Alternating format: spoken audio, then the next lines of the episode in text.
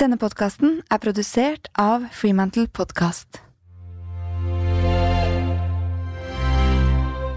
Det har vært viktig for meg å helt aktivt gi litt F i de ineffektive tankene. Og si de ordene høyt. Ja, Så da sier du faktisk rent høyt nå skal jeg gi faen Ja, Ja. I dette her. i dette her.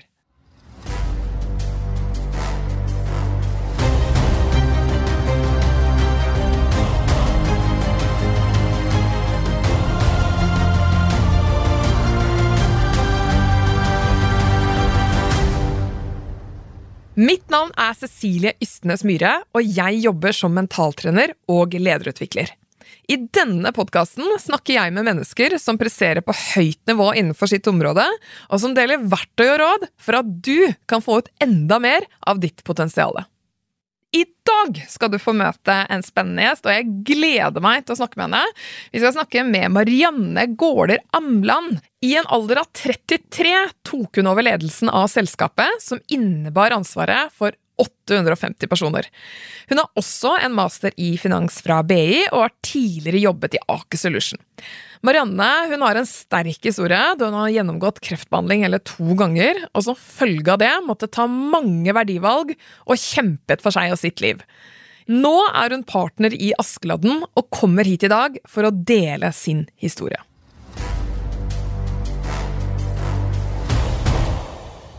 Du må kunne bære kaos inni deg selv for å føde en dansende stjerne. Det er ikke så lenge siden du siterte Nietzsche i et foredrag du holdt på NHH. Hva betyr det sitatet for deg, Marianne? Første gang jeg leste det, så var det for meg ganske utydelig. Eh, Og så måtte jeg tygge litt på det, som kanskje er naturlig å gjøre med sånne type sitater. Men så fant jeg veldig at liksom kaoset i det sitatet, eh, det er livet som skjer. Med en sånn aksept om at eh, du ikke har kontroll på ting, og at det er av og til kaos. Det er, kanskje mye er tilfeldigheter. Og så den andre delen av sitatet, som er den dansende stjernen. For meg så er det å oppleve livskvalitet og det å ha det bra en livskvalitet som du definerer helt liksom fritt fra sammenlignet med andres livskvalitet. Og totaliteten, hvis du setter det sammen, så ble det for meg hvordan jeg kunne møte det livet byr på av friksjon og utfordringer. Med en sånn egentlig aksept med at det kommer til å være kaos. Uten å spille eller overdramatisere det, men det er bare det er fakta. Og så må du kunne bære det for å kunne ha det bra.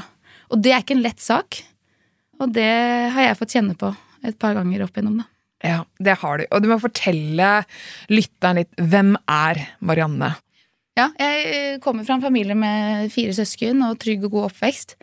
Hatt Liksom en sånn tidlig trang, i hvert fall i trygge rammer, til å være med å påvirke og, og skape. Og så var det kanskje under studiene jeg følte at liksom den delen virkelig fikk spilt seg ut. Og har egentlig aldri hatt noe sånn bevisst forhold til det. Det har bare vært en sånn iboende greie inni meg. Og etter at jeg fikk en operativ lederjobb i Espresso House eh, i 2015, vel, så begynte jeg å skjønne litt sånn hva min greie var. Og syntes ledelse var enormt fascinerende. Så da etter å ha fullført siviløkonomstudier og kom inn i den jobben, så, så begynte jeg å se litt hva jeg trodde jeg skulle drive med i livet. Og fant liksom veldig min retning i det å kunne jobbe med folk, da. Og retning og ledelse. Og da var du også Du var CEO i Espresso House. Yes. Tok over den eh, jobben i en alder av 33. 31. 31, ja! Du- Nei, nå må jeg tenke 33. Du har Ja. rett. Fordi, ja, jeg fikk kreft første gang jeg var 31. Ja, fortell om det. Ja. Nei, det var en uh, like sjokkerende som alle de 30 000 menneskene i Norge som får kreft hvert eneste år. Og total helomvending i livet. Uh, og legene på radioen formidlet det de er supergode på å formidle. Du har kreft. Og det snudde på, um, på dagen. Det var brystkreft som jeg fikk. En aggressiv form som rammer ca. 15% av de kvinnene som får brystkreft årlig. Men fikk supergode behandlingsresultater og de beste prognosene for veien videre. Så ni måneder senere så klinka jeg til i en ledergruppejobb, først i Space House, i, som del av ledergruppen. Og bare noen måneder etter det, etter at pandemien hadde brutt ut, så tok jeg over selskapet. Og satte min retning for det, og begynte å jobbe tett med en, en ny ledergruppe videre der, da. Mm. Men ni måneder der, Mm. var det heftige ni måneder? Det var veldig heftige Ja. måneder. Ja. Skal ikke legge skjul på det. Nei. Og kreftbehandling altså det reagerer man enormt individuelt på. Mm. Og jeg, jeg reagerte ikke noe bra på den behandlingen. Så både fysisk og mentalt så var det en, en struggle fra start. Men et eller annet sted inni meg så bodde masse eh, Jeg var aldri sint eller bitter for at det hadde rammet meg. kjente jeg veldig lite på, men likevel så hadde jeg en sånn jeg, jeg må tilbake. Jeg, må, jeg har det ikke bra når jeg har det sånn som dette her. Vi vet jo at det å ha en jobb og føle mestring er veldig viktig for folk. Og at det er mye god helse i det. Ja. Det er så god helse i det. Eh, og for meg så er det helt åpenbart. Det å stå utenfor det er utrolig vanskelig, så jeg respekterer veldig det etter å ha opplevd det. Å ikke kunne velge selv om du kan gå på jobb eller ikke. da. Mm. Så du kommer tilbake, altså det er jo ikke lenge etter, tar Mm. over et selskap hvor du har eh, ganske mange ansatte. Er det ikke 800? 900. 900 ansatte. Men så får du kreft igjen. Mm. Og det kunne jeg ikke fatte. Og det er egentlig en bra ting. For det viser at jeg mentalt hadde virkelig begynt å fjerne meg fra den første opplevelsen av kreft. da. Uh, Som jeg ser tilbake med en sånn stor takknemlighet for i dag. At, at jeg klarte å leve det jeg ville leve. Mm. Så da var jeg på samling med konsernledelsen i Helsinki. Første gang jeg reiste ut av landet etter pandemien. Og jeg har hatt en kjempedag, og vi skal til å starte dag nummer to. Så er jeg på hotellrommet, og så bare, der hvor det egentlig bare er et implantat, ingenting, så står det en sånn klinkekule på nytt ut. Og da har jeg lest 300 forskningsartikler om min egen kreftsykdom. Altfor mye burde man ikke drive med. Det er ikke lurt. Men jeg hadde mye kunnskap om statistikk og prognoser og hva dette betydde, og jeg visste at det var svært alvorlig. Så jeg reiser hjem på øyeblikket og får bekreftet bare noen dager etterpå at jeg er kreft, og det er tilbakefall. Og ofte når man får et sånt tilbakefall, så kan det være systemisk, altså sånn i kroppen. Så det var eh, noen måneder der som var beintøffe, i tillegg til at selskapet da hadde begynt å få fart etter pandemien. Og jeg hadde en ledergruppe på jobb som er helt fantastisk. Jeg Sto opp, tok ansvaret, avlastet, men jeg slapp ikke selv. Hva tenker du det handlet om? Altså Helt ærlig så handlet det om at det skulle ikke se ut som at jeg ga opp det greiene her. Men så var det jo da utover høsten, da, eh, for nå er vi i august 2021. Og eh, ja, som leder så står man i veldig mange krevende utfordringer. Det har jeg hatt en sånn derre god mental styrke overfor. Eh, Sykdom på privaten. Jeg har hatt tendens til nesten å ha litt sånn helseangst av og til. Ja. Også før jeg fikk kreft. Som jeg måtte jobbet mye mer strukturert med. Ja. Og så kjente jeg at jeg hele tiden har hatt en sånn der mental teknikk om at eh, det er bare en jobb. Jo større ansvar jeg har fått, så har jeg kunnet liksom eh, Det er fælt å si, men le litt av hjernekirurgene som har en sånn jobb som de har. Jeg har også et stort ansvar, men det er ikke døden til følge, som, som oftest. da. Så du har satt det ganske godt i perspektiv. Ufarliggjort det fra Ja. start. Og det er ikke utad. Jeg har lagt masse i jobben min, vil alltid gjøre det. Jeg elsker å jobbe. Men uh, innad i hodet mitt så har det vært en sånn helt klar teknikk. Og Ja. den høsten så klarte jeg ikke det lenger. Nei, høsten 2021. Ja. Når jeg var under en ny runde med kreftbehandling som ikke var noe bedre enn den første, Uh, og kroppen liksom akkumulert sett med såpass mye cellegift over så mye tid, har det ikke noe godt. ikke sant? Så det å stå imot det, og stå sterkt og stå støtt da, i det, ble etter hvert eh, veldig krevende. Så før jeg på en måte ikke klarte, så gikk jeg meg selv og tenkte at denne gangen så handler det om å være sterk. Det handler ikke om å stå der videre, mens du faktisk bokstavelig talt er dødssyk. Eh, Det er å ha og mot til å ta noen rene prioriteringer. Mm. Og noen klokkeklare, bevisste valg, da. Kan du fortelle litt om de bevisste valgene du da tok? Og det var, jeg lette veldig etter liksom forklaringer. Hvordan skal jeg, skal jeg bare sykemelde meg? Og så kan jeg stå på siden. Men når man velger en sånn lederrolle, så er det å stå på siden og være så involvert som man er, det, det klarte jeg ikke. Jeg viste jo det. Jeg var jo egentlig delvis sykemeldt, i hvert fall. Men jeg, jeg var jo ikke det heller. Så til slutt så fant jeg faktisk en god forklaring i Forsvaret sine verdier. RAM. Ja. Respekt, ansvar og mot. Og jeg klarte å forklare overfor meg selv at jeg måtte respektere familien og meg selv. ikke sant? Det var liksom nummer én. Og det gjorde jeg ikke ved å fortsette. Og så måtte jeg ta ansvar for selskapet. Det å fortsette å bringe den instabiliteten og den risikoen i at jeg skulle fortsette som leder, når vi akkurat da ikke visste i det hele tatt om jeg hadde et videre liv. Og så var det motet til å ta den beslutningen. Det gikk jeg liksom til konsernsjefen og sa nå har jeg funnet mine Nå må du høre her, for dette, dette føles så klart for meg ja. at nå må jeg bare gjøre det. Så disse verdiene ble for deg en veiviser og en guide på hvilke beslutninger du måtte ta for deg selv i en ekstrem situasjon. Ja. Og det jeg gjorde, så syns jeg bare det beviser som en sånn tanke jeg har fått så sterkt i etterkant, at jeg hadde, fikk det så mye bedre etterpå. Du gjorde det.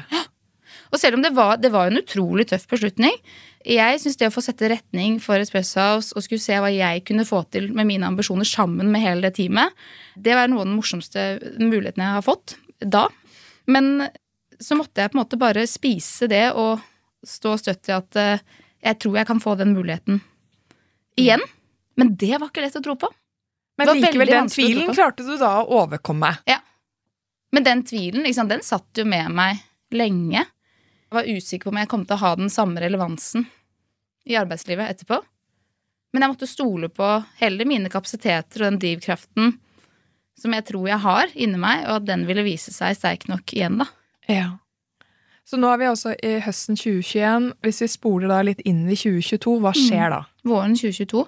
Ja, da ble jeg ferdig med behandling gang nummer to. Så er det sånn Når man får et tilbakefall for kreft, så får du ikke noe svar. Det er utrolig frustrerende. Du får ikke en sånn derre 'Å, stempel, da er du frisk. Nå er det bare å løpe på'. Men det stiller bare desto større krav da, tilbake til den derre bære kaoset og den dansende stjernen. Som det fant meg veldig i der, da. At øh, jeg følte at jeg nesten hadde det bedre da enn etter gang nummer én. For jeg hadde jobbet så mye mentalt underveis med at dette er mitt utgangspunkt. Dette var mitt lodd i livet, og nå må jeg håndtere det. Og dette gjør seg ikke selv, bare så det er sagt. Altså, jeg skal ikke sitte her og være noen verdensmester. Det har ikke alltid gått bra. Jeg har jobbet strukturert med psykolog også for å kunne håndtere dette her. Men det vokser da liksom frem med at øh, igjen så skjer det at jeg kan ikke være hjemme når jeg er ferdig med behandling. Og da, hvis jeg er hjemme, så går bare den mentale motstandsdyktigheten ned. Jeg slutter å prate. Jeg blir liksom, jeg har ikke den øh, skaperkraften som jeg går og kjenner på ellers, da, og, og det å være sammen med, med, folk. Så jeg drar møter da Martin Schytt på en konferanse, og så kom vi i prat. 13 jobbintervju senere så begynte jeg en ny jobb. 13. er det vanlig prosedyre i Askeladden, kanskje? Eh, ja. Eh, nei, kanskje ikke. Men, men det, var, det, skal være match på begge sider. da Så mange så det, gode samtaler, kanskje? Ja. ja. Og, og, jeg vil ikke si at det var intervjuer, det var gode prater og samtaler. da Og kjente med en gang at liksom det, det, verdisettet jeg har, matchet veldig bra. Og, og kunne nesten ikke tro at uh, det løste seg på den måten. Og der kommer man litt tilbake til liksom mine refleksjoner om det som skjedde. da Og det er å stole på de valgene du tar. Og liksom det, det å stole på at det vanskelige valget og beslutningen jeg tok, det vil dra meg til noe. Og det å akseptere at det blir ikke som du har planlagt. Det der å slippe kontrollen. Jeg er kjempedårlig på det i andre sammenhenger i livet. Kjempedårlig på det. Men jeg tror at i sånne her type ting så er det veldig hensiktsmessig. Det gjør meg ikke noe bedre av å gå rundt og være bekymra for om jeg skal få meg en jobb eller ikke.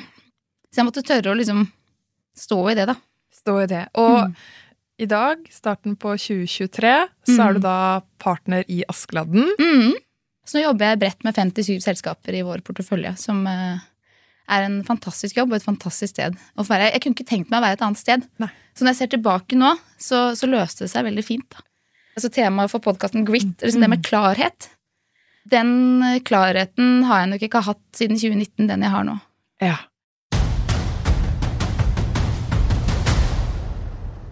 Min annonsør er TrippelTex, og med TrippelTex så får du smarte og intuitive løsninger. Automatisering og mulighet for å koble deg til andre systemer du bruker og trenger, som faktisk gir deg en mer effektiv arbeidshverdag uten dobbeltarbeid. Og dobbeltarbeid, det er en tidstyv som ikke vi er spesielt gira på. Og bare se for deg da at uh, du bruker en regnskapsfører som håndterer regnskapet ditt, men du får ingen live-oppdatering på hvordan det egentlig går med selskapet ditt. Og det å ikke kjenne på den kontrollen, det er jo en stor kilde til stress. Men i trippeldekk så får du helt enkelt tilgang til alle som trenger det, enten det er regnskapsfører, daglig leder eller andre ansatte. Og alle kan logge inn på alle enheter og få full oversikt over hvordan det går med inntektene og kostnadene i selskapet. Helt essensielt for å kunne drive en sunn bedrift. Og har du et annet regnskapssystem i dag, men du har veldig lyst til å teste TrippelTex for å få god sammenligningsgrunnlag, så syns jeg du skal teste det. Du kan gå inn på trippeltex.no slash gratis, og da får du testet programmet i 14 dager.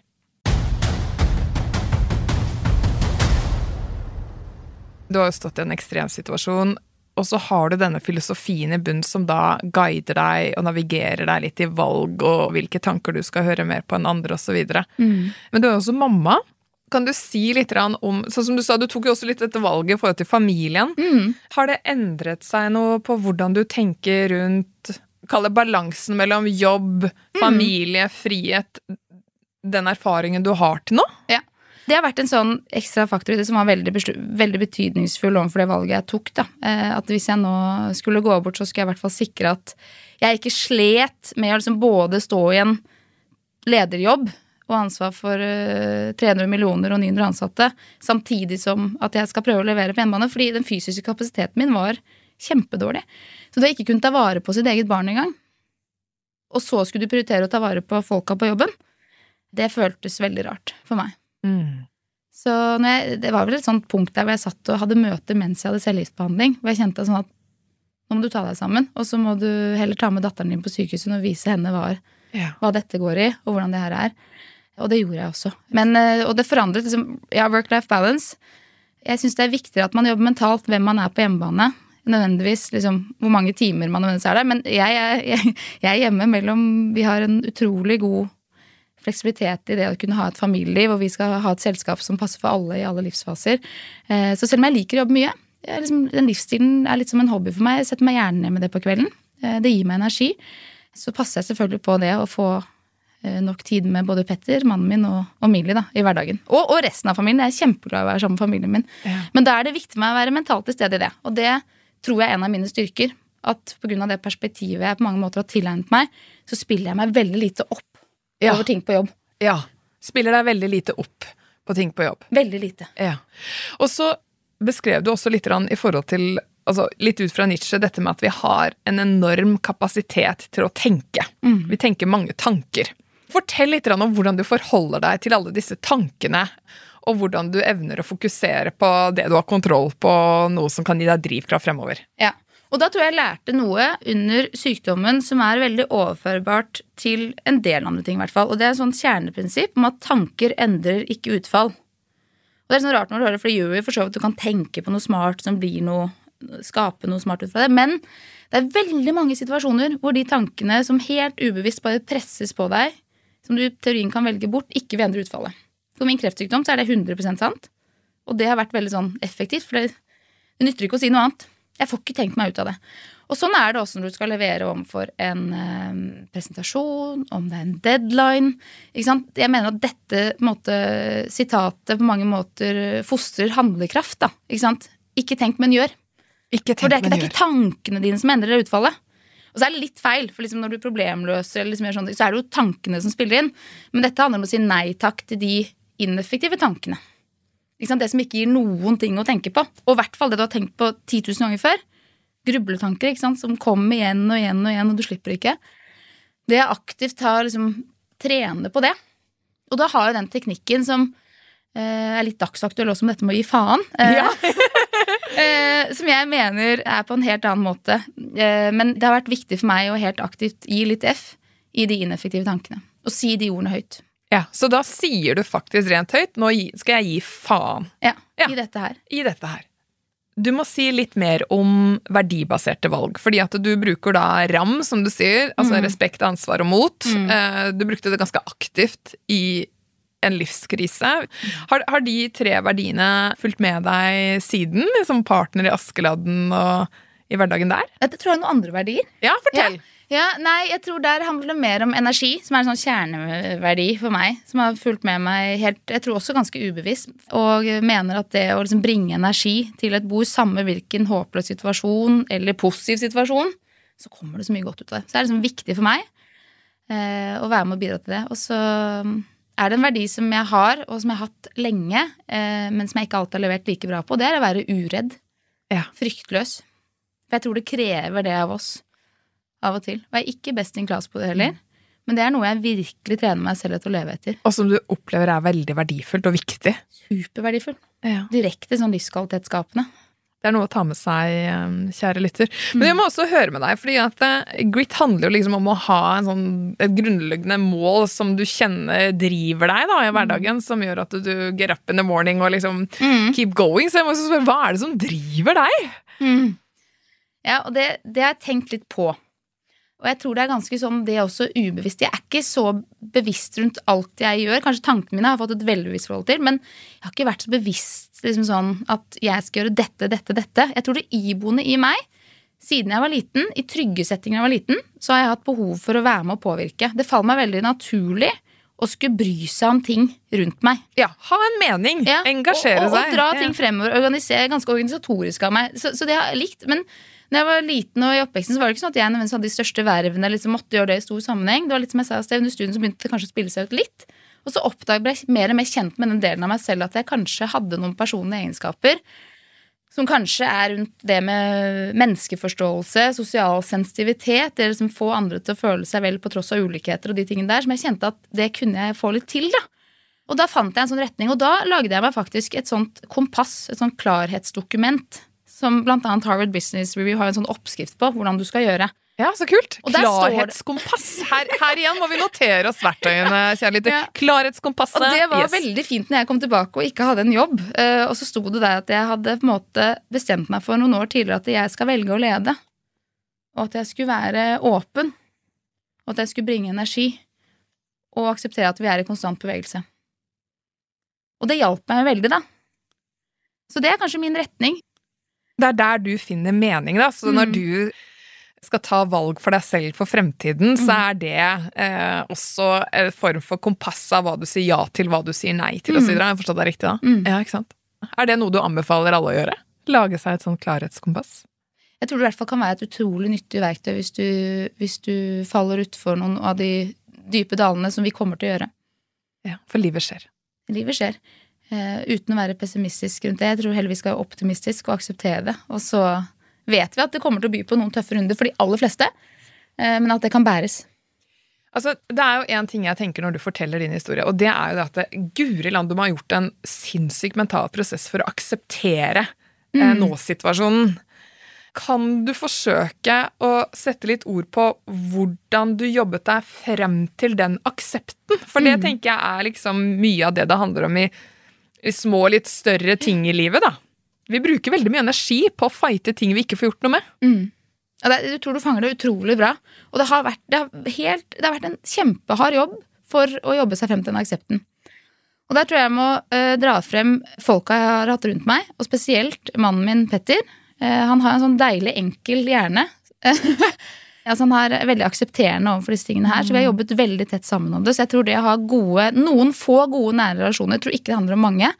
Det knyttes veldig til åpenhet også. At jeg har måttet bruke menneskene rundt meg for å kunne drive meg selv frem til denne aksepten. da. Og bli stilt litt til veggs noen ganger. Ja. Liksom, Utfordra deg litt. ja. Og det, det er liksom et helt kanskje brutalt eksempel, da. Men når man blir stilt overfor de eksistensielle tingene jeg har blitt gjort da, de siste årene, så, så har jeg av og til planlagt min egen begravelse. Og her er det jo utrolig eh, kult at hver gang jeg sier det høyt til Petter, så får han litt latterkrampe. Og så lurer han på hvilke sanger jeg har valgt i dag. ikke sant? og det, det bringer frem, liksom bringer inn humor, bringer inn åpenhet. Det river meg ut fra den tyngden og det mørket for at jeg ikke kan forandre det uansett. Og på den måten så skaper vi gjennom kontinuerlig dialog bare at Men dette er i vår retning. Vi kan ikke holde på med det. Det er dust, det du holder på med. Slutt opp. Jeg vil ikke høre på det. Så for meg så tror jeg svaret på det du spør om, har vært at det har vært å bruke menneskene sine rundt seg, også veldig god hjelp av psykolog, til å drive fra den aksepten. Ref tanker endrer ikke utfall. Men dette er kontinuerlig. Jeg hadde senest i høst, så, så ble jeg utfordret på dette tankesettet. Ja. Og det tror jeg kommer til å bli for alltid, og det tror vi alle, samme hvor mentalt, mentalt sterke vi er.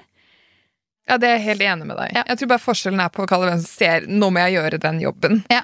Det høres ut som du har tatt den øvelsen eh, Ja. mange ganger. Ja. Og så tror jeg det kommer litt tilbake til energi også. Humor. Ikke overkomplisere ting. For meg så er det liksom ting som jeg i hvert fall prøver å la gjennomsyre meg mot den aksepten, da. Og det er liksom et enkelt prinsipp at den tiden vi har nå, den får vi ikke tilbake. Det er verdens største klisjé, men også et enormt faktum. Så jeg skal ikke gi mer til den kreften enn det den allerede har tatt. Og da skal ikke den få velge hva jeg bruker mine tanker eller på, for jeg får ikke endret det.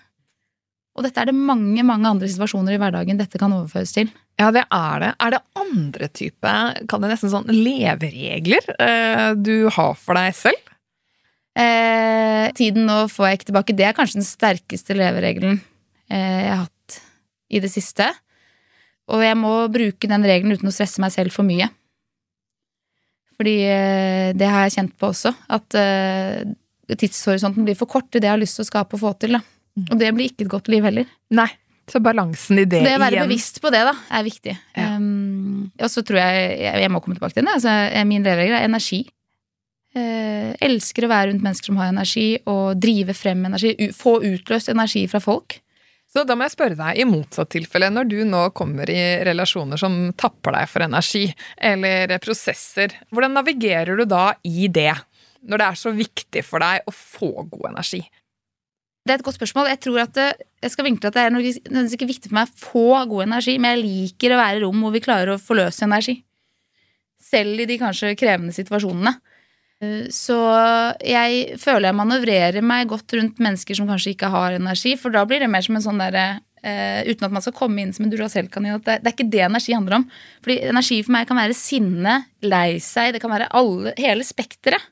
Bare at det er noe der som ikke er uh, tiltaksløshet. ikke sant? Så Jeg ønsker liksom å kanalisere folks handlekraft både overfor sin egen mental styrke, men også overfor oppgaven du står overfor i livet ditt. eller?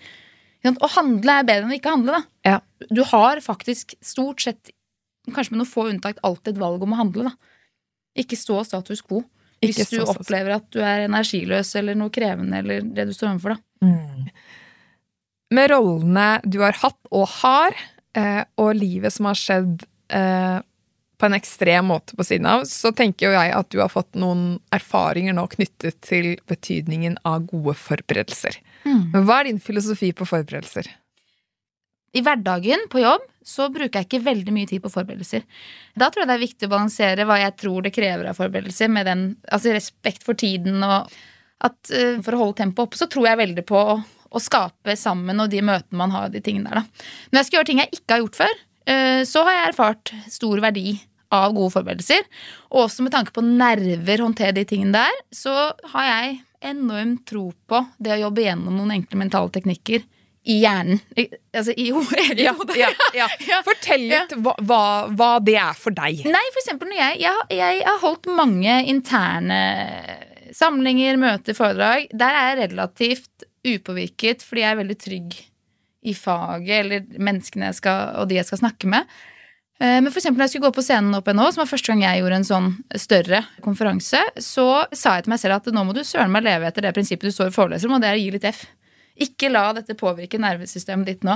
Så jeg tror veldig på det å ha et aktivt forhold til hodet ditt i forberedelse. Mer på faktisk enn å sitte og gjøre en presentasjon 100% perfekt. Ikke sant? Der tror jeg mye mer på 80 Det er mye viktigere. Ja. Altså Litt er godt nok der. Få det på og få gode samtaler, gode diskusjonspunkter.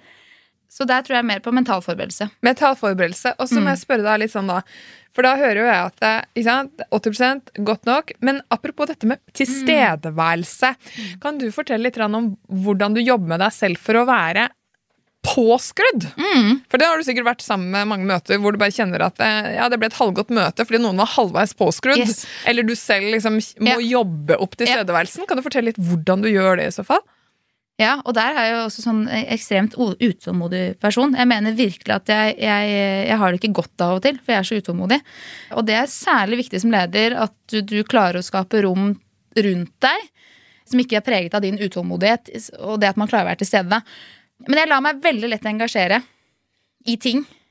Og, det har jeg vært inne på flere ganger, at jeg bryr meg naturlig om ting rundt meg. Jeg mener mye om, om, om mye. Så jeg opplever at så lenge jeg har et bevisst forhold til at dette møtet jeg er med, eller det jeg skal holde på med, at vi har en eller annen form for agenda eller output, at vi stiller krav til det, så klarer jeg å engasjere meg rundt det å være til stede i det. Vi har så godt av å trene på det og legge vekk og liksom prøve å få vekk forstyrrelser.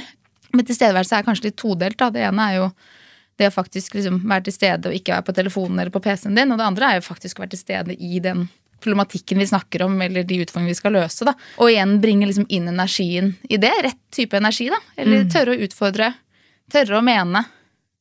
Men med da den der dosen ydmykhet som jeg syns er så viktig. Ja, men, men hører jeg da at liksom egentlig din purpose, som handler veldig mye om å påvirke, da, den kobler du da på i små og større interaksjoner med andre, eh, som igjen skaper den tilstedeværelsen. Ja, det tror jeg.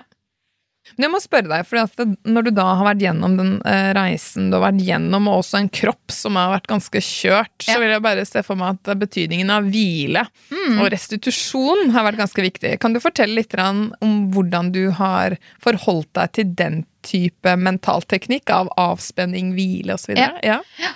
Søvn er liksom alfa og omega. Og der er man ikke alltid like god. Men det, det er direkte utslagsgivende for mine prestasjoner.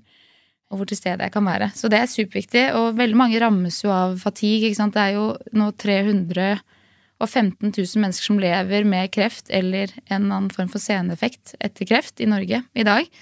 Og det er én av kroniske sykdommer. Det fins mange andre skjulte kroniske sykdommer som man heller ikke ser. Så jeg setter høyt det å ta vare på søvnen og hvilen. Men jeg har vært heldig også, at, at jeg har kunnet komme tilbake i jobb, og, og at jeg har fått en kropp som, som gjør at jeg kan eh, prestere. Men både yoga, ikke sant, burde vært mye flinkere. Flinke perioder. Det gir meg masse. Ja. Hva er det som er så bra med yoga? Nei, Det er jo en fantastisk måte å avspenne hele systemet på. mm. Kropp og topp. Kropp og topp sier, ja. På samme ja. måte med jogging og løping, og, som Ja. jeg også fin, finner det i. da Ja. Men der er jeg ikke noe overmenneske. Ikke? Jeg vet, og jeg vet hva slags oppside. Det har jeg fått kjenne på kroppen mellom de to kreftepisodene. Når jeg ledet Espresso House, så prioriterte jeg helt bevisst veldig mye tid til trening også. Jeg hadde bedre form liksom, etter å ha ledet selskapet et år enn når jeg gikk inn. Også fordi det slipper litt med etter hvert, men jeg visste at ved å spise litt riktigere og trene på den måten, er så effektivt mot utmattelse da, som man kan rammes av etter eh, kreftsykdom. Mm. Så det ble veldig viktig for deg. Ja. Men har du noen sånne to go to for å hurtiglade på et vis? Mm. Å være litt alene. Kan hurtiglade en eh, tirsdag kveld mellom 20.00 og 22.00. Og Jeg er, har nok på personlighetstester så slår jeg eh, veldig ekstrovert ut. Og det, det lente jeg meg på lenge, og det er så ekstrovert, og jeg kan være sammen med folk hele tiden, men så har jeg funnet meg selv som kanskje det som kommer mer med at man er en god blanding av både introvert og ekstrovert, så jeg må absolutt eh, være alene av og til. Ja. CEO i Espresso House, partner i Askeladden. Tillit til egne lederferdigheter Mm. må man da ha, eller? ja, det er en god måte å si det på, fordi jeg, jeg har ingen 100 selvtillit. Altså I ledersammenheng så liker jeg det Nicolai Tangen sier, at du skal ha liksom en, en, god porsjon selvtillit, eller nok selvtillit, og så skal du ha nok ydmykhet. Og til, til mine verdier, som omsorg og bry seg, har alltid vært viktig for meg. Så så lenge jeg klarer å kombinere det med å prøve å stå støtt, men jeg har ikke hele min oppvekst og barndom stått støtt. Jeg har fått kjenne på det å ha ordentlig dårlig selvtillit under barndommen. Jeg var veldig trygg og god i de trygge rammene i idretten jeg drev med, og det jeg holdt på med. Men uh, utenfor det så, så tok det tid før jeg fant meg selv ordentlig. Jeg tror det var når jeg tok lederjobben. Kjente du da på et vis at eh, nå er jeg i trygge rammer eh, her, her kan jeg spille ut styrkene mine? Jeg tror det var ja. det. Jeg fikk spilt ut styrkene mine. Det på mange måter forløste noe i meg. Fortell litt om eh, hvordan man porsjonerer denne kombinasjonen av selvtillit og ydmykhet. Det er veldig interessant, for jeg også elsker ydmykhet. Jeg Mm. synes at eh, Det er noe som kjennetegner de aller aller beste Mm, også. De mm. har med seg mye ydmykhet, men det er også mange som kan trekke litt på um, øyenbrynene. Jeg sier det fordi at de ser på ydmykhet nesten som en sånn der 'unnskyld at jeg er til', og det skal vi jo ikke ha. Ja. Liksom. Fortell litt hvordan du ser på, på ydmykhet, og hvorfor du egentlig erverver det Tangen også sier. Ja, nei, jeg tror, For meg så handler det om noe helt annet. Det handler mer om ikke noe helt annet, men det handler mer om empati og bry seg. Eh, ikke være redd for å vise følelser. Liksom bring your humanity to work. Sånn i en, en jobbsammenheng. At du liksom skal være litt human. Jeg ser ikke det at man skal være så stiv eller så Altså Tydelighet er veldig viktig i ledersammenheng. Det tror jeg veldig på. Tydelighet og retning. Men da igjen, med folka dine, bare være jovial. Liker vi ikke mennesker som liksom er hyggelig å være sammen med, på en måte. Og det bringer meg over til liksom en av de, eh, de verdiene som jeg også brukte mye i House, og hvordan vi jobbet sammen. Det var uformell profesjonell. Uformell profesjonell. Ja, Kult. For det syns jeg det ligger så mye sånn godt i. ikke sant? Du er uformell, du bryr deg, det er humor, det er eh, energi i det. på en måte. Det er ikke stivt, det er helt motsatt av det. Men likevel med en sånn fokusert profesjonell holdning om hva vi skal levere og, og gjøre sammen. da. Ja. Så må jeg liksom spørre deg, du som uh, har been around the clock, og som kvinnelig toppleder også. Hvordan forholder du deg til alt fra hersketeknikker og sånn type motstand? For det vet jeg det er mange av lytterne som har lurt på når du skulle komme her i studio. Hvordan forholder du deg til de tingene? Jeg, jeg har nok vært heldig med i hvert fall en del av mine nærmeste ledere på det. Men selvfølgelig har man møtt på dette. Men jeg forholder meg veldig Jeg blir trigget jeg litt av det. Da blir jeg, det blir jeg absolutt. Positivt trigget, rigget, ser jeg på blikket ja, ditt nå. ja. Ja. Men og jeg er veldig, veldig heldig der jeg jobber i dag, så er det måtte, veldig ikke tema. måte. Men, men eh, jeg brenner jo veldig for at eh, det, det er feil sånn som det er i dag. Det kan vi alle være enige om. Så feministen i meg på det å liksom bli kvitt de, den måten å være på ved å få folk til å være litt mer uredde, da. Som tar mer risiko. Jeg tror det handler om det finnes så mye kompetente topplederkandidater, styrekandidater der ute som bare skal gjøre det. Det er det eneste de trenger å gjøre. Ta steget. Melde seg på. Tørre å stå i den ubehageligheten. ikke sant? Tørre å melde seg på de kjipeste, eller mm, mest kjipeste prosjektene i hermetegn. ikke sant? Det som krever mest av deg. Og nå skal ikke jeg sitte her og si at vi kvinner ikke gjør ting som krever oss, for det gjør vi absolutt. Men det er mer bare å ovenfor den kanskje mannsdominerte næringslivet vi har stått overfor da, over lang tid, så skal vi bare ta plassen. Det er veldig mange som har en stor frykt for å feile. Som skaper mye bekymringer og tankespinn. Og vi har vært innom mye av det, men hva vil du si til de som stopper å få ut potensialet sitt og prestere fordi de er ja, redde for å feile? Jeg tror jeg må få lov til å sitere min sjef Martin Skytt. Hva er det verste som kan skje? Sette perspektiv igjen. Ja. Eh, perspektivet, og så tror jeg også på sammen, altså ordet sammen. Er sånn, det at liksom, du må sikre deg et eller annet form for nettverk rundt deg som, som støtter deg. Fordi det, det fins faktisk noen feil man kan gjøre som kan være ganske kjipe. I hvert fall kan man oppleve det sånn. Men da tror jeg det perspektivet og det å åpne seg opp for noen om den feilen, om det er én person, og legge en form for ja, Kanalisere noe handlekraft da, til å, til å fikse det. Selv så har jeg et veldig pragmatisk forhold til det å feile. Det er der jeg prøver å denne verdien å være uredd og fryktløs. Det er veldig lite effektivt å, å være redd for det. Mm. Men selv om du da har en verdi som uredd, som på mange måter kanskje da styrer da valget, men da skal jeg go for it uansett. Vil det da si at du har null nerver? Eller vil du bare Nei. si at du tåler nervene nerver. bedre? I, ja, for jeg har masse nerver. Det, det er ikke at jeg er helt nerveløs, holdt jeg på å si. Men øhm, jeg leste et interessant intervju med han Bent Kjærstad, som gjør en fantastisk jobb nå for TV 2 og har vel gjort det lenge, i Ukraina. Og så lurte man på hvordan han kan stå i det greiene der. Og det, jeg ble veldig inspirert av det han sa om at jeg velger dette fordi jeg tror jeg kan stå i det. Liksom, jeg har det godt med meg selv mens jeg står i dette, som er helt utrolig. øh, Og, fantastisk at han får til det. Og det inspirerte meg veldig til å tenke litt det samme. da, At jeg har noen nerver, jeg må håndtere det, men jeg tror at jeg kan bære det og fortsatt levere og prestere. da, på en måte. Så jeg er ikke fjernet fra det å ha nerve for ting. Nei, jeg tror det er så viktig forventningsstyring da, Ja. til mennesker. At uh, selv om man hopper uti noe, så betyr ikke det at eh, målet er å kjenne på Nei. null stress. Nei. Men så spiller jeg meg veldig litt oppover ting. Så der, der har jeg vært heldig. At jeg, liksom, jeg, jeg tar inn sånn veldig mye i hodet mitt, men jeg tror jeg jeg lar det ikke, tar det ikke utover nervesystemet, for å sitere en annen som har vært her, med Kristin Skoglund, som også inspirerer meg med måten å sier at du må, liksom la, du, du må bestemme hva du lar påvirke nervesystemet mitt.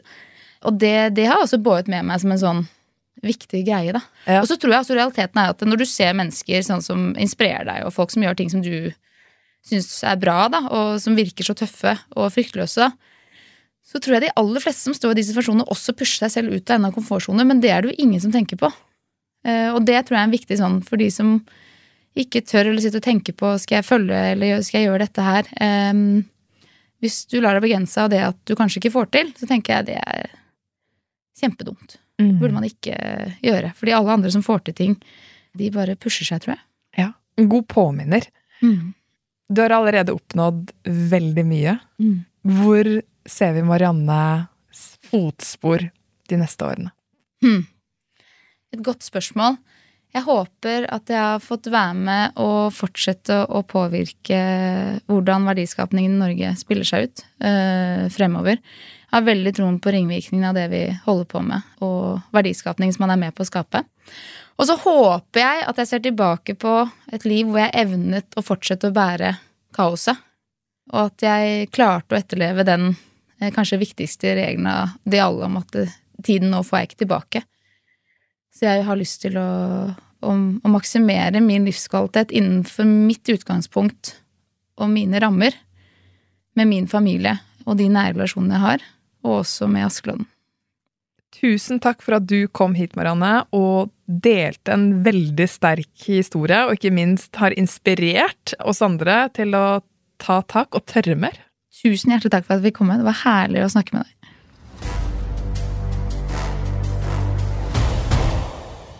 Altså, dette var rørende og ikke minst inspirerende.